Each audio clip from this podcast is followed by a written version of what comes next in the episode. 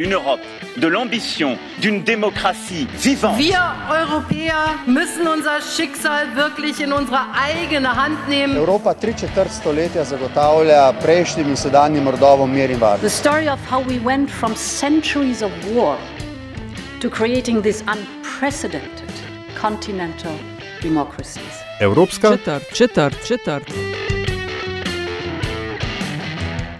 The rulings of the European Court of Justice are binding on all national courts.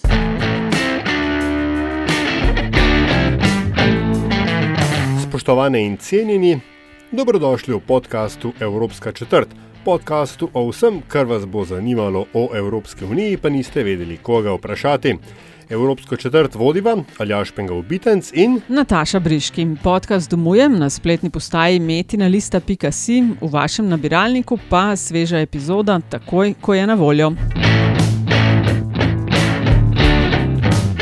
Nemško ustavno sodišče je pred slabima dvema tednoma presodilo, da udeležba Nemške centralne banke v programu kvantitativnega sproščanja, po domače tiskanja evropskega denarja, ki ga že leta kot protikrizni ukrep vodi Evropska centralna banka, ni brezpogojna. Sodba je precej komplicirana, a hkrati tudi potencialno daljnosežna in načenja tako vprašanja veljavnosti evropskega prava kot suverenosti držav članic ter hkrati neodvisnosti monetarnih institucij. Če rahlo poenostavimo, zdi se, da pod vprašaj postavlja celoten ustroj Evropske unije. Zdaj pa, ali je temu res tako, bova ugotavljala v današnji epizodi. Poklicala sva na Univerzo v Mariboru, kjer ima akademsko domovanje dr. Petra Weingerl. Lepo pozdravljeni, sem Petra Weingerl uh, iz Univerze v Mariboru, uh, kjer se ukvarjam s pravom EU in pa s vprašanji mednarodnega prava.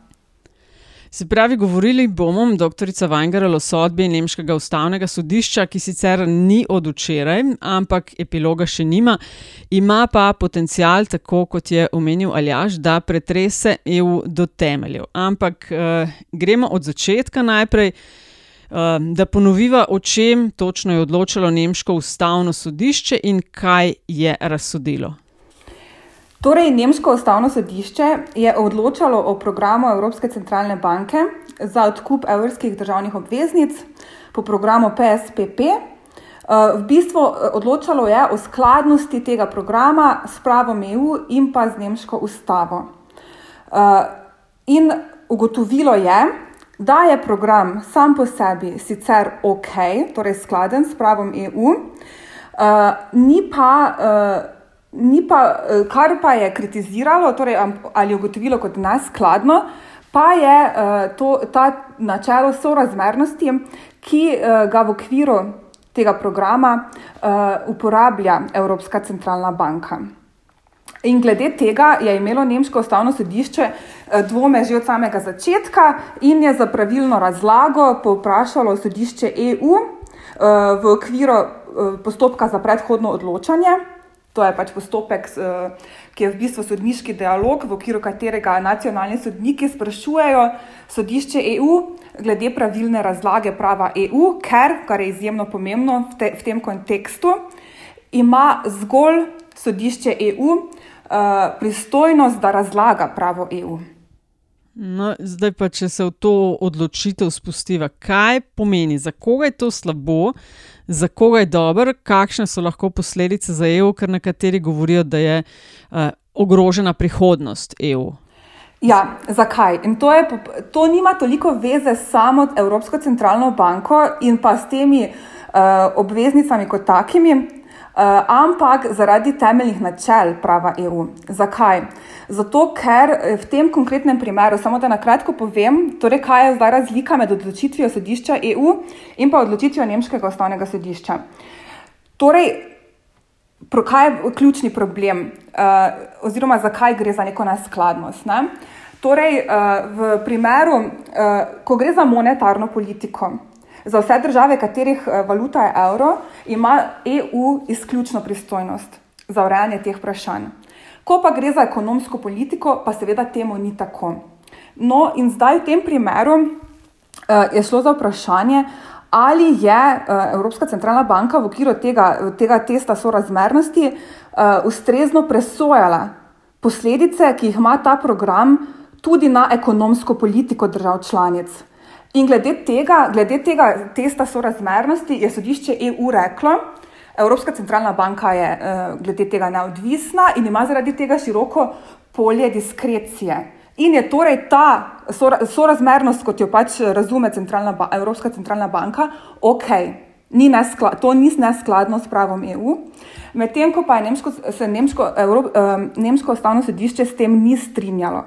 Torej, nemško ustavno sodišče je odločilo v bistvu, uh, da je odločitev sodišča EU napačna.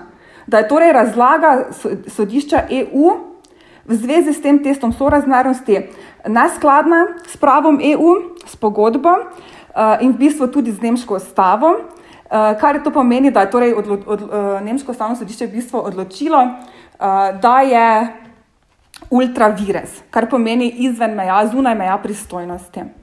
Zakaj pa je zdaj to problem? Uh, čisto poenostavljeno, ker um, kar sem že izpostavila na začetku. Torej, zgolj in samo sodišče EU lahko razlaga pravo EU. V tem primeru je pa torej Nemško ustavno sodišče razlagalo pravo EU in ugotovilo, da je, da je prava razlaga drugačna od te, ki jo je sodišče EU podalo v svoji sodbi v okviru predhodnega odločanja. In zakaj je zdaj to tako problematično za sam obstoj EU, kot pravijo nekaterim? Ker to seveda pomeni, da lahko jutri ali že danes vsako ustavno sodišče oziroma sodišče v vseh 27 državah članicah ugotovijo, naprimer, eh, da je neka razlaga sodišča EU eh, napačna. Kam to vodi? Uh, zakaj sploh imamo torej, pravilo v EU, da je sodišče EU edino, ki lahko razlaga pravo EU? S tem se zagotavlja enotnost uporabe prava EU v vseh 27 državah članicah. Torej, če danes nemško sodišče odloči, da v Nemčiji pa neka sodba sodišča EU ne velja, jutri bo to Mačarska, pojutrišnjem Poljska, v petek pa recimo eh, Portugalska, seveda to pomeni, da pač več nimamo enotnega eh, prava EU eh, v vseh državah članicah in zato pač to vodi v dezintegracijo. A, če prav razumem, gre tukaj za, po eni strani gre pač za to pravno komponento, ne, se pravi, kaj je to. Um, sosledje ali pa nadredje pravnih sodnih inštitucij. Ne? Po drugi strani ste pa tudi sami namignili, pa pač ta politična komponenta, ne? kjer bi lahko pač države članice v skladu s svojimi političnimi prioritetami v bistvu imele evropsko pravo a la carte, se odločale sproti, kateri del bodo uporabljale in kater, kater, kater del ne. Konkretno ne, imamo zdaj Polsko, kjer, je, kjer je uh, Evropsko sodišče odločilo, da njihova reforma uh, sodnega sistema ni v skladu z pravom Evropske unije in jo je Poljska načeloma obvezana to, to reformo temu prilagoditi. Uh mhm. -huh. Tako in na, na, na Poljskem so recimo že takoj, še, mislim, da še isti dan sporočili najpolitični voditelji in pa tudi sodišč, da bodo pač sledili temu, um, temu vzorcu ali modelu, če lahko tako. -huh. rečemo. No, naprimer, na mačarskem so se malo bolj taktično odzvali. Ne? Torej, pred nekaj dnevi je bila tista razglašena tista sodba sodišča EU v zvezi z tistim uh, azilnim centrom oziroma tistim namestitvenim centrom, kjer so nameščali prosilce, prosilce za azil na srpski meji. Uh, in so zdaj to, od, sodišče EU je reklo, da to pač zgleda kot zapor ne? in da se to pač mora odstraniti. In, v, in so na mačarskem rekli, sicer se ne strinjamo z razsodbo sodišča EU, ampak kot čla, država članica spoštujemo vse sodbe sodišča EU in so tudi to, eh, ta namestitveni center zaprli. Recimo. In to je seveda izjemno mm. taktična odločitev, pač na mačarskem verjetno izbirajo svoje boje, na, mislim, svoje bitke na taktičen način. Ampak vsekakor to odpira pač možnosti uh, ravno zaradi tega dezintegracije, ne? ker kot re, ste rekli, a la carte. In zdaj nekdo bo rekel, ja, ampak to je drugače, ker to je pa nemško ustavno sodišče. Za, mislim, kdo pa potem presoja, kdaj je zadeva tako občutljiva in kdaj je nekaj tako drugače in izjemno. Ne? Eh, v teh primerih, zakaj pa ni nek primer, recimo iz Španije ali pa Irske, tako pomemben in izjemen, da bi dovolili um, no, da bi dovolili to, da gre nacionalno sodišče ultravirus. V bistvu v tem primeru gre nemško ustavno sodišče preko meja svojih pristojnosti, ker enostavno nima pristojnosti razlagati prava EU. No in je ravno tukaj, ne, pač ta, dajmo temu reči, samo. Ali pa samo razglašeni um, ekscepcionalizem nemškega ustavnega sodišča. Evropska komisija je, če se prav spomnim, uh, takoj rekla, da je edino, edina inštitucija pristojna za razlaganje uh, za, evropskega prava, seveda Evropsko sodišče oziroma sodišče Evropske unije v Luksemburgu. Ne. Zdaj, tukaj se pač nakazuje. Nek relativno velik uh, epski boj med inštitucijami. Uh, uh -huh, kako, uh -huh. mislim, kako, kako to sploh rešiti? Ne, oziroma, kako k temu pristopiti? Uh mhm. -huh. Torej, ne zgolj komisija, ne, recimo, odzvalo se je celo sodišče EU in to je precedenčno prvič v življenju. Ni se zgodilo prvič v življenju, da bi neko nacionalno sodišče reklo: Ne strinjamo se z razsodbo sodišča EU. To se ni zgodilo prvič. Prvič je pač to bilo zdaj Nemško ustavno sodišče in prvič je recimo Nemško ustavno sodišče postavilo neki ultimat v tej sodbi. Ne? Recimo, druge se je vse bolj elegantno razpletlo pač preko tega eh, postopka predhodnega odločanja. Uh, in torej prvič v življenju se je zdaj odzvalo celo sodišče EU, tako da imamo nekaj, v bistvu prav neki sodniški dialog skozi medije, kar je tudi neprecedenčno. Ne? Odzvala se je tudi Evropska centralna banka, recimo, uh, in pa verjetno pač tudi pred, predvidevam, da pač uh, domači politiki v Nemčiji tudi niso srečni, ne? ki so bili ravno protagonisti v teh programih. Uh, zdaj, kako razrešiti te, uh, to zagato? Uh, Na, zdaj, problem je, uh, ker govorijo, uh, zdaj malo mešam stvari, ampak tu bo pač eno vprašanje politično, drugo pa je pač strokovno pravno vprašanje. Ne? In uh, to uh, očitki ustavne, Nemškega ustavnega sodišča pač niso, morda res niso popolnoma neutemeljeni. Ne? Torej, uh, po, non-stop poslušamo o tem, da bi morala biti Evropska centralna banka bolj tako pravno, kot tudi politično odgovorna. Uh, In zdaj se že, kažejo, uh, se že kaže v novih programih, ne, recimo tudi glede tega uh, Recovery Funda v okviru te epidemije koronavirusa, so že oblikovali programe na tak način, da so bolj previdni, da malo bolj upoštevajo to sorazmernost in več faktorjev kot do zdaj. Uh, Um, torej, na nek način se lahko to razreši na zelo elegantni način, da Evropska centralna, centralna banka seveda tega ne odkrito ne prizna, ampak vseeno začne malo spoštovati te smernice, na katere namiguje Nemško ustavno sodišče. Uh, torej, da upošteva tudi te uh, ekonomsko-socialne vidike, ki jih imajo ti programi. Uh, ampak vsekakor pa se z političnega, vidik, z političnega zornega kota to ne bo, po mojem mnenju, reševalo um, na nek viden način, no, z nekimi novimi uh, uh, akti, nekim, na nek deklaratoren način, ampak bolj. Um, Spet, da uporabim to besedo, pa spet malo bolj taktično. Torej, da bo uh, na nek način volk uh, sit in koza cela. Torej, Evropska centralna banka se bo premaknila v smer uh, večje politične in pravne odgovornosti, vendar bolj uh, zato, ker to sama želi, ne pa zato, ker bi jo k temu prisililo Nemško ustavno sodišče. Aha, tega ne bodo pa rekli na glas, če vas prav razumem. Ne? Tako, bodo tako. pa šli v smer.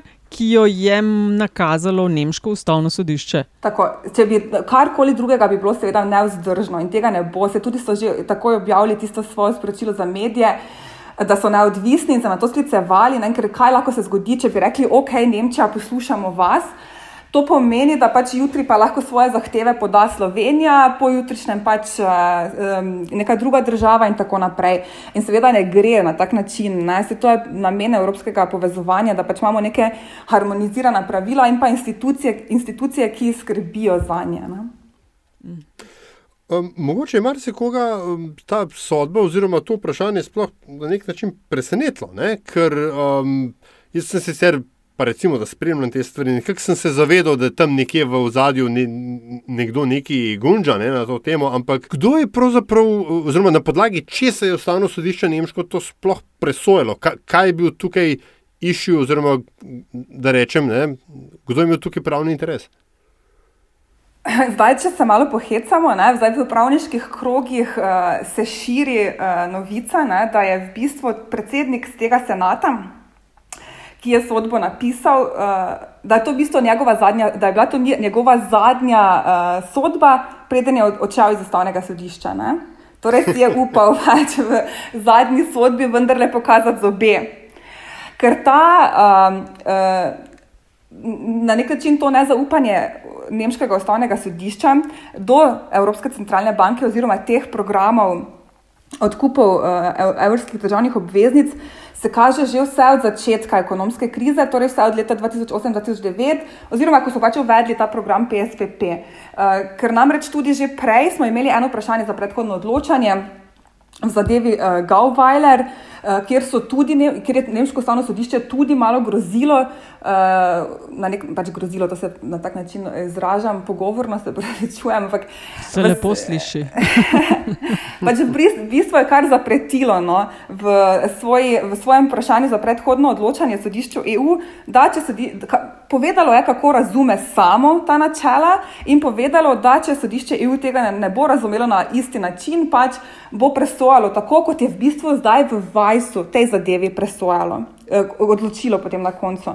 Torej, v tisti zadevi prvi, zadevi Gauweiler, to je šlo za prvo, nem, eh, prvo vprašanje za predhodno odločanje Nemškega ustavnega sodišča, eh, sodišču EU, ne? pa Nemčija je ustanovna članica EU. In je to, ko šele pred, prvi, pred par leti je torej Nemško ustavno sodišče prvič postavilo vprašanje za predhodno odločanje, v, v, lahko rečemo v pač podobnih. Um, v, v, v podobnem dejanskem stanju, zapretilo, eh, eh, ampak na koncu vseeno ugotovilo, eh, da je in sodba sodišča EU in pa ta program ok, torej da je skladen z nemško ustavo.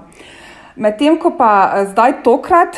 Pa ni le zalajalo, kot rečejo pogosto na tujini v akademskih krogih, ampak tudi ugriznilo. Torej, prvič je dejansko ugotovilo, da pa vendarle nekaj sodbo sodišča EU ni ok. In dali so, če se ne motim, 3-4 mesece sodišču EU, da se zjasni, uh, kaj lahko zdaj pričakujemo. Zdaj, še kakšen mesec, dva sta ostala. Uh -huh. Torej, ne, tega niso naročili um, sodišče EU ali Evropske centralne banke, zaradi tega, ker to bi bilo očitno ultravire. Z tega Nemško ustavno sodišče ne more.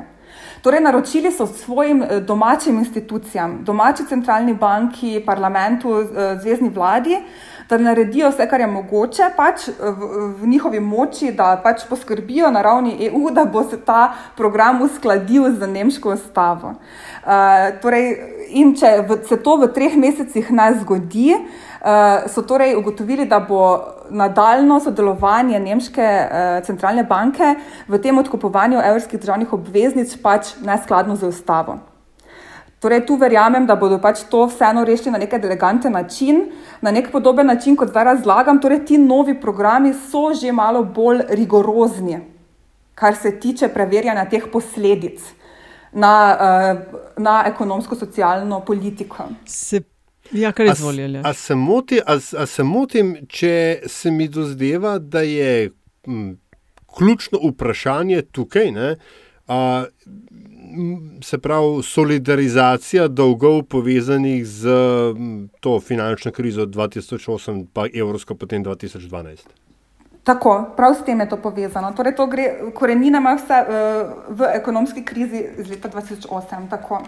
A je potem takem, ta zadnja inicijativa uh, kanclerke Merkel in francoskega predsednika Macrona o solidarnostni pomoči 500 milijard evrov, ne, vsaj te začetni, uh, v bistvu potem poskus političnega preseganja trenutne pravne neozdržne situacije? Tako, tako. To sem ravno to sem imela v mislih, preko sem imela ta recovery fund. Tako, torej, to, uh, se strinjam s tem, kar ste pravkar povedali. Tako. Torej, zdaj bodo to vsekakor na tej politični ravni eh, bodo upoštevali vse te pomisleke, eh, čeprav pač tega ne, ne bodo deklaratorno izjavljali. Mhm. Se pravi, če vas uh, jaz poskušam povzeti, ja. Ta odločitev Nemškega ustavnega sodišča uh, je potencialno lahko eksplozivna, česar se vsi zavedajo, ker bi lahko temu sledile številne druge države, če bo uh, to obstalo, ta odločitev, ampak da bodo poskušali vseeno v zadju uh, doseči spremembe, pa hkrati ne dati uh, vedeti ali pa vtisa, da sodišče EU vseeno ni nad vsemi. Ali sem malo zapletla? Niste, ampak ta konec, ta konec bi vseeno popravila. Torej, sodišče EU je nad vsemi, v tem smislu, da je edino pristojno, da razlaga pravo EU. In, te, in tako bo tudi ostalo. Torej, sodba, ki jo je izdalo sodišče EU v tem primeru, velja in bo tudi v prihodnje veljala. Uh, To, da bodo pa potem politične institucije in Evropska centralna banka v prihodnje pač poskrbele za to, da pa bodo vzele v poštev tudi te pomisleke Nemškega ustavnega sodišča, pač pomeni, uh, da bodo prilagodili, pač na politični ravni prilagodili uh, pravila igre temu, kar v tem primeru zahteva Nemško ustavno sodišče. Ampak še vedno pa bo tista sodba uh, sodišča EU veljala. Mm -hmm. Torej, nihče se na ravni EU ne strinja s tem, uh, da je kak, da se je s to nem, sodbo Nemškega ustavnega sodišča kakorkoli zamajala avtoriteta uh, sodišča EU.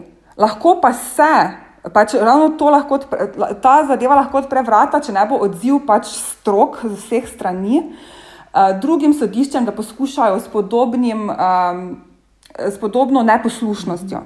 Ne? Ampak rekli, rekli ste, ne, da, je, zma, da bodo upoštevali ne, te zahteve oziroma navodila uh -huh. uh, Nemškega ustavnega sodišča. V resnici je Nemško, če, če zelo, zelo, zelo poenostavim, ne taka žur, žurnalistična distilacija. Nemško ustavno sodišče je reklo, bodi se tole, oziroma tole ni v skladu z pogodbo Evropske unije in z Nemško ustavo. Uh -huh. Eno ali drugo je treba spremeniti. Ha? Da bi, da bi, to, da bi bil ta primer skladen z ustavo. A, če, a vi vidite kakršno koli možnost, da bi se pogodba Evropske unije spremenila v nekem kratkem roku, zato da bi se ta problem v bistvu dokončno rešil? Ne, torej ravno zato ne, ker smo v takem turbulentnem obdobju. Torej mi smo zdaj v, poleg vseh ostalih kriz, V Evropi imamo tudi krizo načela pravne države, torej predvsem zaradi Poljske in Mačarske, ki sem jo na začetku izpostavila. In ravno zato je pač to najbolj problematično, da se ravno v tem času zdaj Nemško ustavno sodišče pač izdaja takšno sodbo. Sveda, nihče ne pričakuje od sodišča, da bo politično ravnalo, da bo politična institucija in da bo zdaj pri sprejemanju odločitev razmišljala o tem, kakšne posledice bo imela ta odločitev na, eh, na EU kot tako, oziroma na druge eh, države članice, kot so te problematične države članice, ki pač kršijo načelo pravne države. Vseeno pa v primeru, da pač odločiš sam ultravires, ne, uh, nekaj, česar ne moreš, torej da je sam razlagaš pravo EU, uh, eh, vseeno pa v tem primeru že to odločitev, da, da bodo takšno odločitev sprejeli malo politična. Ne, torej vsekakor mm. ne moremo tega momenta ignorirati v tem primeru. Kratkoročno, um, kakšnega takega uh, slovenskega pristopa, da imamo temu reči, ne, ko smo imeli v Sloveniji tudi kakšno ustavno politično krizo, pa se je potem posledično ustava spremenila, tega na evropski ravni torej po vašem ni pričakovati. Da bi se spremenila uh, pogodba uh, Evropske unije, torej Evrops da bi se torej ja, spremenila tako, ja. pogodba na ravni EU, uh, tega ni pričakovati, ravno zato, ker smo pač ravno v tem turbulentnem obdobju in lahko druge države članice potem zahtevajo torej spremembo tudi na katerem drugem področju, recimo glede azilne politike in tako naprej. Torej, to je zdaj pač vse, vsekakor je prevroč kostan, no, da bi se zdaj trenutno to odpiralo, po mojem mnenju. Mm. Tako da niti slučajno, pa gledajte, sej niti, ni, niti ni razloga za to, ne, ker sodišče EU pravi, da sistem kot je, je ok. Skratka, lahko mirno spimo naprej. Tako, upam, upam, da lahko. Ampak to bo seveda odvisno predvsem od odziva institucije. Ne? Kaj bi eh, bil recimo lahko odziv Evropske komisije? Evropska komisija pač ima možnost tožbe. Zaradi neizpolnitve obveznosti. Kaj je ta neizpolnitev obveznosti? Torej, če se nemškemu sodišču poraja dvom o pravilni razlagi, tudi če je ta dvom glede pravilne uh, razlage v sodbi sodišča EU, pač mora postaviti novo vpraša, vprašanje za predhodno odločanje. Ne more samo ugotoviti, da je neka sodba EU, sodišča EU neveljavna. Ne? Tega ne, enostavno ne more, že po doktrini Fotofrost. Uh, to ni mogoče. A je to, kar se je zgodilo, nekaj za vse vas, ki se ukvarjate z preučevanjem evropskega prava, nekaj ob čemer vam vem, srce zaplapola, ker je zanimivo, ker je polno izzivov in se lahko v različne smeri razplete? In to je izjemno zanimivo teoretično vprašanje in obstaja ogromno te teoretičnih razprav o tem, kdo ima zadnjo besedo. Torej, kdo je final arbiter, da rečem po angliško. Uh, ker, zakaj? Zato, ker pač, uh, seveda, glede razlage prava EU, ima ve, zadnjo besedo vedno uh, sodišče EU. Vendar pa nekateri zagovorniki teorije ustavnega pluralizma menijo, da v določenem primeru, ko torej je neka um, je, um, nacionalna identiteta, ustavna identiteta neke države lahko kršena, lahko neko sodišče ugotovi, da pač nekaj ni skladno. Da, oziroma, lahko ravna drugače, kot bi sicer moralo po pravu EU ravnati, in se tu sklicuje na nacionalno identiteto.